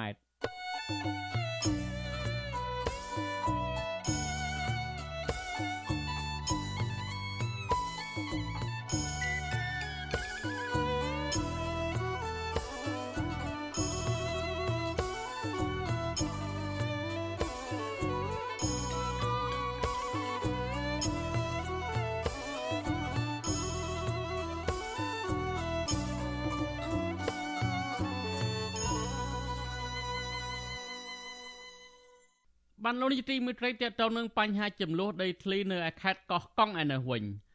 ប្រជាពលរដ្ឋប្រមាណជា500នាក់តំណាងឲ្យពលរដ្ឋជិត1000នាក់មកពី5ឃុំប្រមូលផ្ដុំគ្នាដាក់ញត្តិស្នើសុំអាជ្ញាធរឃុំនិងស្រុករកដំណោះស្រាយជូនអំពីបញ្ហាចំនួនដីធ្លីជូនពួកគាត់ឲ្យបានសមរម្យសង្គមស៊ីវិលយល់ថារដ្ឋាភិបាលត្រូវធានានូវសិទ្ធិរស់រានមានជីវិតរបស់ពលរដ្ឋស្របតាមរដ្ឋធម្មនុញ្ញនិងគួរផ្ដល់ដីសម្បត្តិសង្គមគិច្ចជូនពួកគាត់ បាទលោកសនចាររថារាយការណ៍ព័ត៌មាននេះដំណាងប្រជាប្រដ្ឋមានចំនួនដីធ្លីនៅស្រុកស្រែអំបិលអះអាងថាពួកគេដាក់ញត្តិចំនួន2ស្នើសុំអាជ្ញាធរមូលដ្ឋានជួយដោះស្រាយដីសម្បត្តិសង្គមគិច្ចដល់ប្រជាគ្មានទីជម្រករនៅគ្មានដីធ្វើកសិកម្មហើយស្នើរក្សាផែនទីភូមិសាស្ត្ររដ្ឋបាលចាស់រវាងភូមិប្រជិកឃុំជីខក្រោមនិងភូមិឈោកឃុំជីខលើស្រុកស្រែអំបិលខេត្តកកុងឲ្យនៅស្ថានភាពដូចមុនដដែលដំណាងពលរដ្ឋបញ្ជាក់ថាពួកគាត់សុទ្ធសឹងតែជាប្រក្រក្រីក្រ នៅស្រុកស្រែអំបិល អស់រយៈពេលច្រើនឆ្នាំមកហើយប៉ុន្តែការរស់នៅប្រកបរបរចិញ្ចឹមជីវិតគឺមានភាពលំបាកខ្លាំងដោយសារពលរដ្ឋមួយចំនួនស៊ីឈ្នួលចាំចំការឲ្យគេហើយខ្លះសំដីគេដើម្បីសង់ផ្ទះស្នាក់នៅបដអសន្នហើយពលរដ្ឋខ្លះទៀតមានដីស្រែបន្តិចបន្តួចហើយសមាជិកគ្រួសារច្រើនមិនអាចផ្គត់ផ្គង់ជីវភាពបានរហូតត្រូវបង្ខំចិត្តឲ្យកូនបោះបង់ចោលការសិក្សាដើម្បីរកទីជម្រកហើយជួយគ្នារកប្រាក់ដោះស្រាយជីវភាពគ្រួសារតំណាងពលរដ្ឋលោកស្រីផាយើងប្រាវិទ្យាអេស៊ីសរ៉ៃថ្ងៃទី19កញ្ញា ថាប្រព័ន្ធដែលខ្វះខាតដីលំនៅឋាននៅដីកសិកម្មបានប្រមូលគ្នាដាក់ញត្តិតាមអាជ្ញាធរឃុំចំនួន5រួមមានឃុំជាខក្រោមឃុំជាខលើឃុំដងប៉ែងឃុំបឹងព្រាវនិងឃុំស្រែអំបិលនៅក្នុងស្រុកស្រែអំបិលខេត្តកកុងសរុបជិត1000នាក់អ្នកស្រីបន្តថាបរិស្នាសមញ្ញាធមមូលដ្ឋានគុំផ្លាស់ប្តូរព្រំប្រទល់ភូមិសាស្ត្ររដ្ឋបាលចាស់រវាងភូមិប្រជាឃុំជាខក្រោមនិងភូមិឈោកឃុំជាខលើដោយសារប្រជុំការលំបាកពេលទទួលសេវារដ្ឋបាលម្ដងម្ដង លោកស្រីបន្តថាកន្លងមកបរដ្ឋធ្លាប់ទៅស្នើសុំថ្នាក់ជាតិប៉ុន្តែអាជ្ញាធរបានណែនាំឲ្យពួកគាត់មកស្នើសុំនៅមូលដ្ឋានរស់នៅវិញ។ចា ដោយសារតែមានការណែនាំពីខុតកាលឲ្យសម្ដេចថាឃុំណាប្រជាពលរដ្ឋរស់នៅឃុំណាសូមឲ្យដាក់ញត្តិទៅឃុំនឹងទៅអញ្ចឹងទៅបានគាត់រៀបចំឯកសារយកមកដាក់នឹងអូនដោយសារតែគាត់អត់យល់អំពីនីតិវិធីឬក៏អីដែរគាត់គិតថាកម្មវត្ថុនៃការស្នើសុំដីសម្បត្តិគុំកិច្ចប្រហែលជាមានតែរដ្ឋាភិបាលមួយទេដែលជាអាចជាអ្នកដាក់ឲ្យដោះឲ្យគាត់អីចឹងណាក៏គាត់បានដាក់សាលាស្រុកសាលាខេត្តដែរតែអ្នកទាំងពីរហ្នឹងនៅតែឆ្លើយថាពួកគាត់មិនមានសមត្ថកិច្ចក្នុងការដោះស្រាយឲ្យបានទេតតែថ្នាក់ជាតិដោះស្រាយបានបានទៅសហជាតិបានប្រាប់គាត់ថាមកដាក់នៅតាមឃុំមកអញ្ចឹងបានពួកគាត់ដាក់តាមឃុំហ្នឹងចំណែកតំណាងប្រពន្ធម្នាក់ទៀតនៅឃុំបឹងព្រាវលោកស្រីតិនតាំងថ្លែងថាសហគមន៍លោកស្រីនិងប្រពន្ធបានដាក់ញត្តិទៅក្រសួងដែនដីក្រសួងមហាផ្ទៃនិងក្រសួងអភិវឌ្ឍជនបទប៉ុន្តែត្រូវបានក្រសួងទាំងនេះណែនាំឲ្យមកដាក់ញត្តិនៅមូលដ្ឋានវិញកាលពីថ្ងៃទី6កញ្ញាអ្នកស្រីបន្តថាបរិក្រិក្រស្នើសុំដីសង្គមកិច្ចដើម្បីមានចម្រោះស្នាក់នៅសមរម្យហើយអាចចិញ្ចឹមសត្វមន្ទីរមទួច គ្រាន់ដោះស្រាយជីវភាពក្នុងគ្រួសារហើយអាចឲ្យកូនចៅរៀនសូត្រដោយប្រវត្តិដទៃទៀតលោកស្រីបញ្ជាក់ថាប្រសហគមន៍និងលោកស្រីបានដាក់ញត្តិនេះតាំងពីឆ្នាំ2019មកម្លេះប៉ុន្តែគ្មានដំណោះស្រាយទើបថ្ងៃទី6កញ្ញាមានការណែនាំថ្មីពីអាជ្ញាធរថ្នាក់ជាតិអូ ពិបាកណាបើសិនជានិយាយរួមទៅវាពិបាកនិយាយបើសិនជាគាត់ជាអាជ្ញាធរនោះគាត់ចុះទៅពិនិត្យមើលតាមភូមិឃុំគឺវាស្រួលល្អបងគឺពួកខ្ញុំបាត់មានដីធ្វើផ្ទះកងខ្លះហ្នឹងគាត់តែបានគ្រួសារទៅក៏នាំគ្នាទៅជួលផ្ទះនៅក្រុងធ្វើការរោងចក្រអីយ៉ាងទៅហើយគឺអត់មានអីដែលថាចង់ចាំមន់ទៀតអំប្លែនៅផ្ទះជួបជុំគ្រួសារគឺអត់បានហ្មងអញ្ចឹងដំណាងពលរដ្ឋលើកឡើងថាការដាក់ញត្តិនៅតាមឃុំក្នុងស្រុកសែអំបិលមានឃុំមួយចំនួនមិនទទួលយកញត្តិរបស់ពួកគាត់ទេ ដែលចោទប្រកាន់ថាបានប្រមូលព្រមគ្នាដោយខុសច្បាប់ប៉ុន្តែឃុំជាខលើនិងឃុំដងពេងបានឲ្យបរិកាយតម្រូវឯកសារមួយចំនួនហើយដាក់សារជាថ្មីម្ដងទៀតវិទ្យុអេស៊ីសេរីមិនតាន់អាចតតមេឃុំជាខក្រោមលោកអាងទីនៅមេឃុំបឹងព្រាវលោកខឹមផាវនិងអភិបាលស្រុកស្រែអំបិលដើម្បីអត្ថាធិប្បាយអំពីរឿងនេះបានទេដោយលោកថាលោកចោររវល់ប្រជុំជុំវិញរឿងនេះមន្ត្រីសម្របសម្រួលរបស់សមាគមសម្ព័ន្ធសហគមន៍កសិករកម្ពុជាលោកញិលភៀមយល់ឃើញថារដ្ឋាភិបាល ត្រូវយកចិត្តទុកដាក់ចំពោះពលរដ្ឋដែលជួបបញ្ហារនៅដោយសាររដ្ឋត្រូវធានាឲ្យពលរដ្ឋនៅសិទ្ធិក្នុងការរស់រានមានជីវិតស្របទៅតាមរដ្ឋធម្មនុញ្ញលោកបន្តថាអាញាធរត្រូវរកដំណោះស្រាយហើយកំពីដល់ប្រកក្រីក្រទទួលបានដីធ្លីរនៅសមរម្យលោកបន្តទៀតថាកលមោសមាគមរបស់លោកតែងជួយសម្រួលដល់ពលរដ្ឋនៅក្នុងស្រុកសាអំបលដែលគ្មានដីធ្លីនៅក្នុងការបង្ករបរនិងធ្វើលំនៅឋានដើម្បីជួយលើកកម្ពស់ជីវភាពរស់នៅរបស់ពលរដ្ឋតាមរយៈការបង្រៀនបច្ចេកទេសចិញ្ចឹមសត្វផ្សេងៗលោកញិលភៀម អំពីវនីដល់រដ្ឋាភិបាលផ្ដល់ដីសម្បត្តិសង្គមកិច្ចដល់ប្រកក្រីក្រទៅនេះ រដ្ឋត្រូវតែផ្ដល់កិច្ចគាំពៀដោយធ្វើការដល់ដីសម្បទានសង្គមកិច្ចជូនទៅដល់ប្រជាពលរដ្ឋក្រីក្រទាំងអស់ហ្នឹងឲ្យពួកគាត់ទទួលបានដីធ្លីសម្រាប់សាងសង់លំនៅឋានសម្រាប់ការធ្វើស្រែធ្វើចការប្រកបមុខរបរចិញ្ចឹមជីវិតហ្នឹងទើបមានន័យថារដ្ឋទទួលខុសត្រូវនៅក្នុងការគាំពៀទៅលើប្រជាពលរដ្ឋឲ្យទទួលបានសិទ្ធិជាមូលដ្ឋានក្នុងការរស់នៅរបស់ពួកគាត់កន្លងមក ពលរដ្ឋបានដាក់ញត្តិទៅរដ្ឋបាលស្រុកស្រែអំបិលនិងរដ្ឋបាលខេត្តកកុងប៉ុន្តែគ្មានដំណោះស្រាយសម្រាប់ពលរដ្ឋក្រីក្រទេថ្មីថ្មីនេះពលរដ្ឋបានដាក់ញត្តិនៅក្រសួងរៀបចំដែនដីក្រសួងបរិស្ថាននិងខុទ្ទកាល័យនាយករដ្ឋមន្ត្រី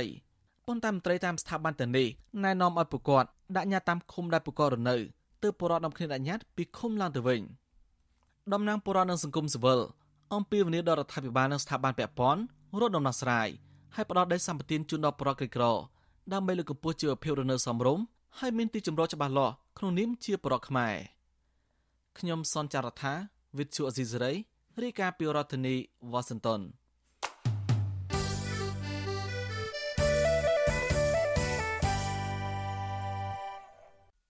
បាទលោកនាយកទីមេត្រីក្នុងឱកាសនេះដែរខ្ញុំបាទសូមថ្លែងអំណរគុណដល់លោកនាងកញ្ញាទាំងអស់ដែលតែងតែមានភក្ដីភាពចំពោះការផ្សាយរបស់យើងហើយចាត់ទុកការស្ដាប់វិទ្យុអាស៊ីសេរីជាផ្នែកមួយ នៃសកម្មភាពប្រចាំថ្ងៃរបស់លោកនាងការគ្រប់គ្រងរបស់លោកអ្នកនាងនេះហើយដែលធ្វើឲ្យយើងខ្ញុំមានទឹកចិត្តកាន់តែខ្លាំងថែមទៀតក្នុងការស្វែងរកនិងផ្តល់ព័ត៌មានជូនលោកអ្នកនាងមានអ្នកស្ដាប់មានអ្នកទស្សនាកាន់តែច្រើនកាន់តែធ្វើឲ្យយើងខ្ញុំមានភាពស្វាហាប់មោះមុតជាបន្តទៅទៀតយើងខ្ញុំសូមអរគុណទុកជាមុនហើយសូមអញ្ជើញលោកនាងកញ្ញាចូលរួមជំរុញឲ្យសកម្មភាពផ្តល់ព័ត៌មានរបស់យើងនេះកាន់តែជោគជ័យបន្ថែមទៀត លោកនាងអាចជួយយើងខ្ញុំបានដោយគ្រាន់តែចុចចែករំលែកឬ share ការផ្សាយរបស់យើងនៅលើបណ្ដាញសង្គម Facebook និង YouTube ទៅកាន់មិត្តភ័ក្តិដើម្បីឲ្យការផ្សាយរបស់យើងបានទៅដល់មនុស្សកាន់តែច្រើន សូមអរគុណ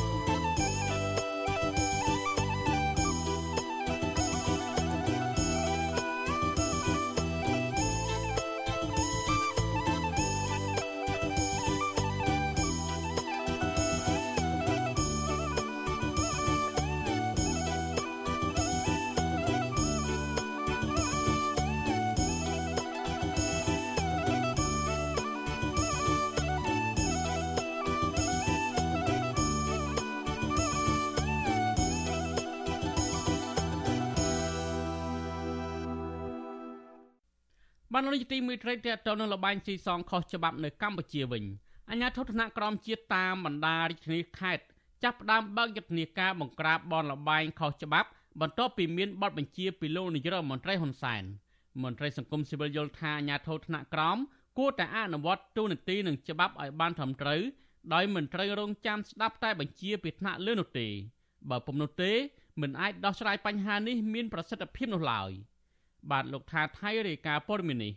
ក្រោយមានបទបញ្ជាពីលោកនាយករដ្ឋមន្ត្រីហ៊ុនសែនភ្លាមអភិបាលរាជធានីខេត្តទូទាំងប្រទេសមិនបងអង្គយូរឡើយដោយចាប់ផ្ដើមបើកកិច្ចប្រជុំបន្ទាន់ជាមួយអាជ្ញាធរពាក់ព័ន្ធដើម្បីចាត់វិធានការចុះបង្ក្រាបទីតាំងលបែងស៊ីសងខុសច្បាប់គ្រប់ប្រភេទដែលពួកគេធ្លាប់មើលរំលងនោះដើម្បីផ្គប់ចិត្តលោកហ៊ុនសែនអ្នកនាំពាក្យនៃស្នងការដ្ឋាននគរបាលរាជធានីភ្នំពេញលោកសានសុកសីហាប្រាប់វិទ្យុអាស៊ីសេរីនៅថ្ងៃទី18ខែកញ្ញាថា យុទ្ធនាការបង្ក្រាបលបែងស៊ីសងខុសច្បាប់នៅក្រុងភ្នំពេញគិតត្រឹមយប់ថ្ងៃទី17ខែកញ្ញានោះគឺអាជ្ញាធរបង្ក្រាបបាន28ទីតាំងនិងឃាត់ខ្លួនមនុស្សចំនួន52នាក់លោកបញ្ជាក់ថាមនុស្សដែលអាជ្ញាធរឃាត់ខ្លួននោះគឺជាអ្នកដែលស្ថិតក្នុងរង្វង់ទីតាំងលបែងរួមមានម្ចាស់ទីតាំងមេការនិងអ្នកលេងជាដើមហើយអាជ្ញាធរកំពុងស៊ូនាំដើម្បីបញ្ជូនពួកគេទៅបន្តនីតិវិធីនៅតុលាការលោកអះអាងថាអាជ្ញាធរកំពុងចុះបង្ក្រាបជាបន្តបន្ទាប់ទៀត ហើយមិនមែនទៅតែចុះបង្ក្រាបថ្មីថ្មីនេះក្រោយមានបទបញ្ជាពីលោកនាយករដ្ឋមន្ត្រីហ៊ុនសែននោះទេ ចំពោះរាជធានីភ្នំពេញយើងមិនមែនថាមិនបានអនុវត្តទេដោយបងឃើញស្រាប់ហើយគឺការអនុវត្តគឺយើងមានជាប្រចាំអញ្ចឹងជាបន្តបន្តតែយើងគ្រាន់ថាកន្លែងមួយចំនួនមានន័យថាជាការលួចលាក់មានន័យថានៅពេលដែលយើងទទួលព័ត៌មានភ្លាមនៅពេលយើងឆ្មក់ចុះទៅវាអត់មានការលេងមានអីអីទេអញ្ចឹងណាអញ្ចឹងមានន័យថាដល់យើងរៀបកម្លាំងឲ្យច្បាស់ច្បាស់លាស់ក្នុងការអនុវត្តចឹងយើងដូចទទួលបានលទ្ធផលដូចយើងអនុវត្តសមអញ្ចឹងមានន័យថាពីមុនមុនមកយើងបក្រាបបានបន្តបន្តដូចគ្នាអញ្ចឹងណាតែលើកនេះយើងដាក់យុទ្ធនាការធំហ្នឹងមានន័យយើងអាចមានលទ្ធផលផងបានច្រើនបាទ ក្រៅពីនៅរាជធានីភ្នំពេញអាជ្ញាធរខេត្តផ្សេងផ្សេងក៏ចុះបង្ក្រាបលបែងស៊ីសងខុសច្បាប់ដែរនៅឯខេត្តរតនគិរីរយៈពេល2ថ្ងៃអាជ្ញាធរបានចុះបង្ក្រាបលបែងស៊ីសងឆ្នោតលូតូអេឡិចត្រូនិកជលមន់ភ្នាល់បាល់អនឡាញចំនួន9ទីតាំងព្រមទាំងធ្វើកិច្ចសន្យាអប់រំម្ចាស់ផ្ទះនិងម្ចាស់អាជីវកម្មឲ្យបញ្ឈប់លបែងបែបនេះទៀតការចុះប្រតិបត្តិការបង្ក្រាបលបែងស៊ីសងខុសច្បាប់គូក្រឹកគូក្រែងនេះធ្វើឡើងក្រោយពីលោកនាយករដ្ឋមន្ត្រីហ៊ុនសែន បានគម្រាមដកតំណែងអភិបាលខេត្តក្រុងស្រុកខណ្ឌនិងថ្នាក់ដឹកនាំមានសមត្ថកិច្ចចេញពីតំណែងប្រសិនបើរកឃើញថាពួកគេមិនទទួលខុសត្រូវលើទូនាទីលុបបំបាត់លបែងស៊ីសងខុសច្បាប់ឲ្យអស់ពីដែនសមត្ថកិច្ចរបស់ខ្លួនកន្លែងលេងលបែងមួយចំនួន មិនមែនមន្ត្រីមូលដ្ឋាន មិនដឹងនោះទេ ទាំងកម្លាំងនគរបាលឬអាវុធហត្ថឬមន្ត្រីរដ្ឋបាលរបស់យើងក៏ប៉ុន្តែបញ្ហាស្ថិតនៅត្រង់ថាអស់លោកមានឆន្ទៈធ្វើឬមិនធ្វើឬក៏កន្លែងនោះ ជាទីកន្លែងនៃការរកប្រាក់របស់អស់លោកប្រជាពលរដ្ឋនិងសង្គមស៊ីវិលបានរិះគន់នឹងត្អូញត្អែជាយូរមកហើយចំពោះបញ្ហាលបែងស៊ីសងជាច្រើនប្រភេទដូចជាលបែងជលមន់ភ្នាល់បាល់តាមអនឡាញលូតូឆ្នោតនិងបៀដែលរីកសាយភាយនៅទូទាំងប្រទេសអាញាធរថ្នាក់ក្រោមខ្លះឆ្លើយការពីថាមិនមានលបែងស៊ីសងខុសច្បាប់ក្នុងដែនសមត្ថកិច្ចរបស់ខ្លួននោះទេហើយអាញាធរខ្លះឆ្លើយតបថាពួកគាត់ក៏មិនគុំត្រយមានលបែងស៊ីសងនេះដែរ ប៉ុន្តែមិនហ៊ានចុះបង្ក្រាបព្រោះអាញាធរថ្នាក់លើជាអ្នកចេញអាជ្ញាប័ណ្ណដល់ម្ចាស់អាជីវកម្មលបែងប្រធានមជ្ឈមណ្ឌលប្រជាពលរដ្ឋដើម្បីអភិវឌ្ឍនិងសន្តិភាពលោកយ៉ងកំឯងថ្លែងថាមូលហេតុដែលអាជ្ញាធរថ្នាក់ក្រោមអនុវត្តទូនាទីទាល់តែមានបញ្ជាពីថ្នាក់លើនោះអាចដោយសារជាទម្លាប់ផងខ្វះការគ្រប់គ្រងពីថ្នាក់លើផងអំពើពុករលួយផងខ្លះទៀតខ្លាចប៉ះពាល់ទូនាទីដោយសារទីតាំងលបែងស៊ីសងទាំងនោះមានអ្នកធំកាងពីក្រោយលោកយល់ថារដ្ឋាភិបាល គួរតែកែតម្រង់ធ្វើយ៉ាងណាឲ្យអាជ្ញាធរថ្នាក់ក្រោមបំពេញទូនាទីរបស់ខ្លួនឲ្យបានត្រឹមត្រូវតាមរយៈការលុបបំបាត់អំពើពុករលួយនិងលើកទឹកចិត្តដល់មន្ត្រីល្អហើយដាក់ទោសទណ្ឌលើមន្ត្រីប្រព្រឹត្តខុសជាដើមមន្ត្រីសង្គមស៊ីវិលរូបនេះយល់ថាប្រសិនបើមន្ត្រីថ្នាក់ក្រោមរងចាំតែបទបញ្ជាបែបនេះការដោះស្រាយបញ្ហាលបែងស៊ីសងនេះគ្មានប្រសិទ្ធភាពឡើយនិងប្រៀបដូចជាការវេកចោលដូច្នោះដែរ។ អាជ្ញាធរត្រូវតែដឹងច្បាប់ហើយអនុវត្តច្បាប់បើសិនគាត់រងចាំតែវិជាហ្នឹងងាប់ហើយបាទអញ្ចឹងការដោះស្រាយបញ្ហាគ្រប់បែបយ៉ាងនោះសហគមន៍ដោះស្រាយមិនចេញបាទបើថាបញ្ហាខ្លះលឺដល់ថ្នាក់លើទៅថ្នាក់លើវិជាទៅអាហ្នឹងអាចដោះស្រាយអីបានធូរប្រាសាប៉ុន្តែកន្លែងខ្លះអត់វិជាទៅគាត់អត់ធ្វើអាហ្នឹងមិនកើតបាទនេះខ្ញុំថារឿងសំខាន់គាត់ត្រូវដឹងច្បាប់គាត់ អនុវត្តច្បាប់ហើយធ្វើឲ្យមានប្រសិទ្ធភាពនៅក្នុងដែនដីដែលគាត់គ្រប់គ្រងបានហ្នឹងយើងថារឿងដែលដែលល្អដែលចាំបាច់បើសិនតែគាត់រងចាំតែវិជាអញ្ចឹងហ្នឹងតែជាងបរួមរដ្ឋបាលកុំឲ្យធំពេក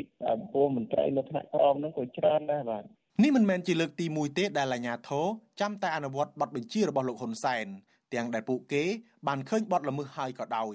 នាយកប្រតិបត្តិនៃអង្គការសម្ព័ន្ធគណនេយ្យភាពសង្គមកម្ពុជាលោកសនជ័យសង្កេតឃើញថាការរីកសាយពីលបែងស៊ីសងជាច្រើនប្រភេទទូទាំងប្រទេសនេះគឺគ្រប់គ្រាន់ដែលអាចធ្វើឲ្យពលរដ្ឋខ្មែររងគ្រោះវិនិច្ឆ័យហិនហោចទ្រព្យសម្បត្តិឆ្លោះទាស់ទែងក្នុងគ្រួសារនិងបង្កបញ្ហាអសន្តិសុខសង្គមលោកថាលបែងទាំងស្របច្បាប់និងខុសច្បាប់ មានផលប៉ះពាល់ដល់សង្គមដូចគ្នាដូច្នេះរដ្ឋាភិបាលមិនគួរអនុញ្ញាតឲ្យមាននៅក្រៅកាស៊ីណូឡើយដើម្បីទុកឲ្យប្រជាពលរដ្ឋមានឱកាសរៀនសូត្រអភិវឌ្ឍសមត្ថភាពនិងធ្វើកិច្ចការងារសម្រាប់ប្រយោជន៍ក្រុមគ្រួសារនិងសង្គមជាតិយើងឃើញទៅពេលខ្លះទៅអាញាធរអ្នកខ្លះមានការចេះដឹងនេះឃើញលេងក្នុងនោះឃើញមានសិស្សសាលាមានដែរអញ្ចឹងធ្វើឲ្យយើងយល់ថាដោយសារវាមានលក្ខណៈស្របច្បាប់និងខុសច្បាប់អញ្ចឹងហើយដែលធ្វើឲ្យពេលខ្លះការបង្ក្រាបពិបាកហើយម្យ៉ាងទៀតបើសិនជាឥឡូវនេះចាប់ដើមបង្ក្រាបអាលបែងខុសច្បាប់ជួនកាលអ្នកដែលញៀនលបែងហើយគេងាកពីលេងអាលបែងខុសច្បាប់មកមកស្របច្បាប់វិញប៉ុន្តែគ្រាន់ថាវាអត់មានអីប្លែកទេវាគ្រាន់តែរឿងស្របច្បាប់និងខុសច្បាប់តែប៉ុណ្ណឹងប៉ុន្តែដើម្បីឲ្យប្លែកឲ្យល្អហ្នឹងគឺក្រៅកាស៊ីណូមិនចាំបាច់មានលបែងចឹងស្របច្បាប់និងខុសច្បាប់ហ្នឹងហើយបើគេចង់លេងរុញទៅចូលក្នុងកាស៊ីណូទៅហើយកំណត់ទៅថាអ្នកដែលអាចលេងលបែងហ្នឹងបានគឺតែជនបរទេសដោយវិធានការកន្លងមកអញ្ចឹងណាបាទហ្នឹងចូលទៅកាស៊ីណូទៅស្រួលត្រួតពិនិត្យកុំឲ្យនៅរាយបាយដោយបាយលក់រាយគ្រប់ច្រកល្ហកអញ្ចឹងណា ជុំវិញរឿងនេះវិទ្យុអាស៊ីសេរីមិនអាចសុំការឆ្លើយតបពីអគ្គលេខាធិការនៃគណៈកម្មការគ្រប់គ្រងលបែងពាណិជ្ជកម្មកម្ពុជានៃក្រសួងសេដ្ឋកិច្ចនិងហិរញ្ញវត្ថុលោករស់ភិរុនបានឡើយដោយទូរស័ព្ទចូលពុំមានអ្នកទទួលក៏ប៉ុន្តែលោកធ្លាប់លើកឡើងថានៅក្នុងឆ្នាំ2022នេះគណៈកម្មការគ្រប់គ្រងលបែងពាណិជ្ជកម្មបានផ្ដល់អាជ្ញាប័ណ្ណជាង10ទៅឲ្យក្រុមហ៊ុនដែលរកស៊ីលើអាជីវកម្មឆ្នោតនិងលូតូដើម្បីប្រមូលចំណូលចូលជាតិ លោកថាលបែងផ្សងសំណាងដែលចាត់ទុកថាជាលបែងស្របច្បាប់នេះអាចបើកក្រៅកាស៊ីណូបានហើយប្រជាពលរដ្ឋខ្មែរក៏អាចចូលរួមលេងបានដែរទោះជាយ៉ាងណាប្រជាពលរដ្ឋគណៈបកប្រឆាំងនិងសង្គមស៊ីវិលយល់ថាលបែងស្របច្បាប់និងខុសច្បាប់នេះមានផលប៉ះពាល់ដូចតែគ្នាដូច្នេះរដ្ឋាភិបាលមិនគួរទុកឲ្យមានលបែងស្របច្បាប់នោះទេពួកគេយល់ថាប្រសិនបើរដ្ឋាភិបាលចង់ប្រមូលចំណូលជាតិអាចមានវិធីល្អៗជាច្រើនទៀតមិនត្រូវបើកបនលបែងពង្វក់ប្រជាពលរដ្ឋ ដើម្បីប្រមូលកាកលុយពីពួកគាត់ហើយចាត់ទុកថាជាចំណូលជាតិដ៏សំខាន់ឡើយព្រោះចំណូលជាតិបន្តិចបន្តួចនេះมันអាចយកទៅទូទាត់ឬដោះស្រាយផលប៉ះពាល់ក្នុងសង្គមវិញបាននោះទេខ្ញុំថាថៃពីទីក្រុងមែលប៊ន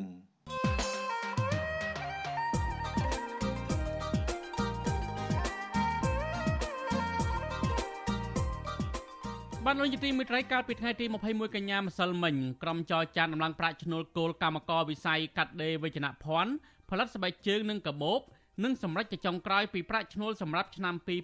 2023ការផ្ដល់ប្រាក់ឈ្នួលថ្មីនេះគឺស្របគ្នាទៅនឹងរបាយការណ៍បន្តបន្ទាប់រកឃើញថាជីវភាពរស់នៅរបស់ប្រជាជនកម្ពុជារួមទាំងកម្មករនៅក្នុងរោងចក្រកាត់ដេរផងកំពុងប្រឈមនឹងបំណុលធ្ងន់ធ្ងរនិងបានកាត់បន្ថយការចំណាយសម្រាប់ទ្រទ្រង់រាងកាយ ដោយសារអត្តពលនៃវិបត្តិជំងឺ Covid-19 និងស្ថានភាពលក្ខខណ្ឌការងារក្នុងរោងចក្រធ្លាក់ចុះបន្តបន្ទាប់តើក្រុមកម្មកររោងចក្រដែលជួបការលំបាកអាចដោះស្រាយជីវភាពនិងបំណុលពួកគេបានតាមមធ្យោបាយណាខ្លះតើប្រាក់ឈ្នួលគោលថ្មីអាចជួយសម្រួលអ្វីដល់បញ្ហាទាំងនេះបាទសូមលោកនាងរងចាំស្ដាប់នីតិវិទ្យាអ្នកស្ដាប់វិទ្យុអាស៊ីសេរីនៅយប់ថ្ងៃអង្គារទី20កញ្ញានេះដែលនឹងជជែកអំពីបញ្ហានេះកុំបីខាន បាទបើសិនជាលោកនាងមានសំណួរចង់សួរមកកាន់វិក្កាមិនរបស់យើងឬក៏ចង់បញ្ចេញជាមតិយោបល់លោកនាងអាចដាក់លេខទូរស័ព្ទនៅក្នុងក្នុង comment ដែលកំពុងតែផ្សាយផ្ទាល់តាមបណ្ដាញសង្គម Facebook និង YouTube យើងខ្ញុំនឹងហៅទៅលោកនាងវិញ បាទសូមអរគុណ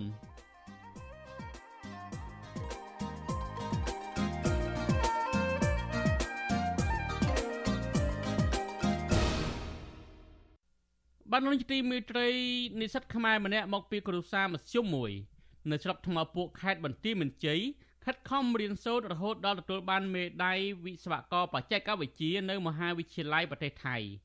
លោកប្រាប់ថាសម្រាប់សិស្សដែលចង់បានអាហារូបករណ៍មកសិក្សានៅក្រៅប្រទេសត្រូវមានការតាំងចិត្តខ្ពស់រួចផ្ដោតអារម្មណ៍តែលើការសិក្សាតែមួយមុខ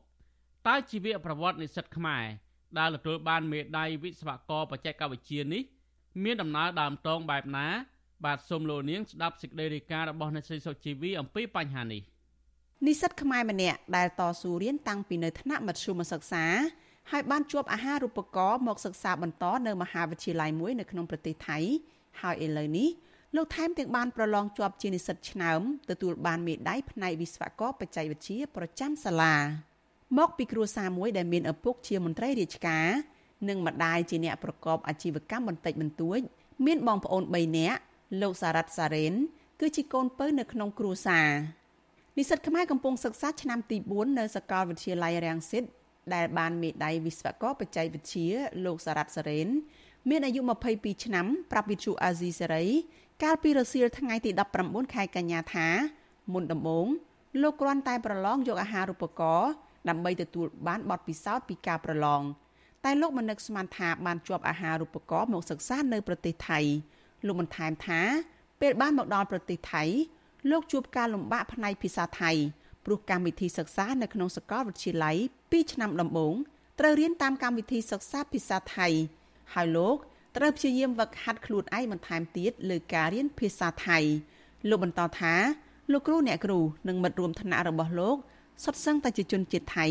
តែពួកគេបានជួយពន្យល់លោកបន្ថែមទៀតត្រង់ចំណុចដែលលោកមិនទាន់ដឹងច្បាស់ មានបាទដោយសារតែមិត្តភ័ក្តិក៏ដឹងថាយើងជានិស្សិតមកពីបរទេសអញ្ចឹងពេលខ្លះការនិយាយឬអ្វីគេក៏ជួយកែកែលម្អដូចជាយើងជាជានិស្សិតមកពីប្រទេសកម្ពុជាពេលខ្លះយើងក៏ចង់និយាយភាសាថៃគឺចង់និយាយសួរគ្រូអីចឹងទៅពេលខ្លះយើងនិយាយខុសគេក៏ជួយណែនាំឬក៏ជួយកែលម្អយើងពេលមុខជាខ្លះយើងអត់ចេះទៅគេក៏ជួយបរៀនជួយណែនាំយើងដោយសម្បត្តិភ័ក្រគេក៏មានភាពតាក់ទងជាមួយយើងដែរលោកឲ្យដឹងថានៅក្នុងសាកលវិទ្យាល័យដែលលោកកំពុងសិក្សា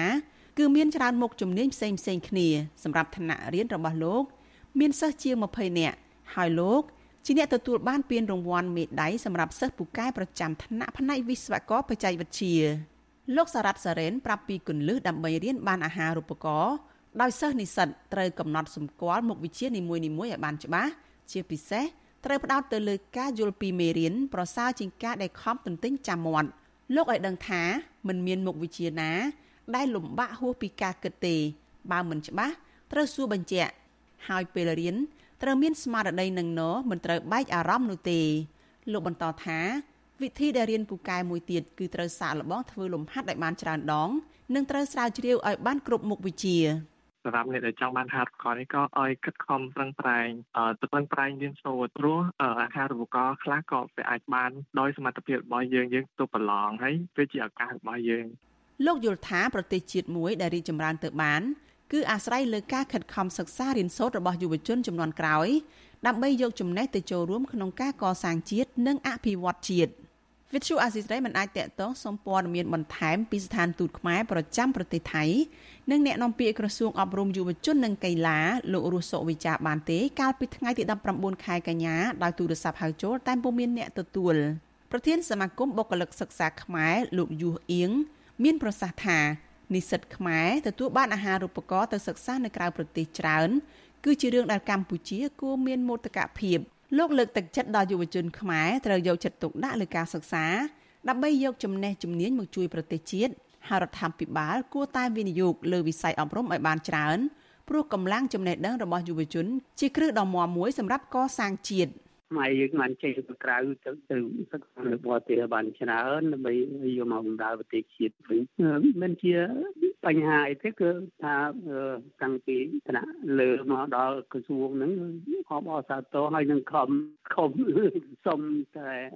អាហារូបករណ៍គេគ្រប់គ្រប់ប្រទេសទាំងអស់ដែលថាឲ្យតែឲ្យឲ្យយើងអបអរសាទរនឹងបញ្ជូននិស្សិតទៅ លោកសារ៉ាត់សារ៉ែនជានិស្សិតអាហារូបករណ៍ដែលបានប្រឡងជាប់នៅវិទ្យាស្ថានបច្ចេកវិទ្យាកម្ពុជាឬសាលាតិចណូហើយលោកកំពុងសិក្សានៅសាកលវិទ្យាល័យរាំងស៊ីតនៅខេត្តបឋមធានីជានិស្សិតឆ្នាំទី4មកពីស្រុកពួកខេត្តបន្ទាយមានជ័យហើយលោកនឹងបញ្ចប់ថ្នាក់បរិញ្ញាបត្រនៅក្នុងខែធ្នូឆ្នាំ2022ខាងមុខនេះនាងខ្ញុំសុជីវីវិទ្យុអាស៊ីសេរីពីរដ្ឋធានី Washington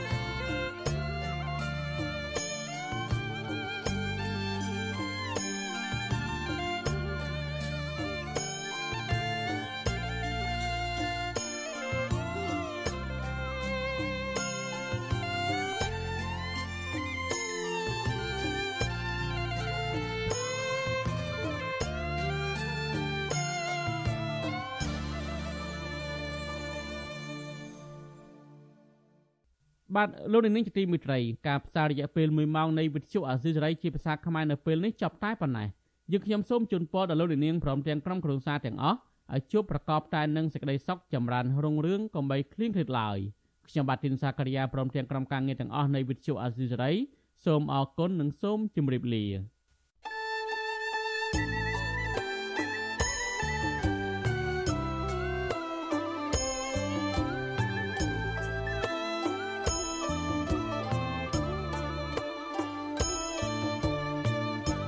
ទ្យុអេស៊ីសេរីផ្សាយតាមរលក ធាតុអាកាសខ្លី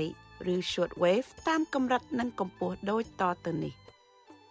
ពេលព្រឹកចាប់ពីម៉ោង5កន្លះដល់ម៉ោង6កន្លះតាមរយៈរលក ធាតុអាកាសខ្លី12140 kHz ស្មើនឹងកម្ពស់ 25m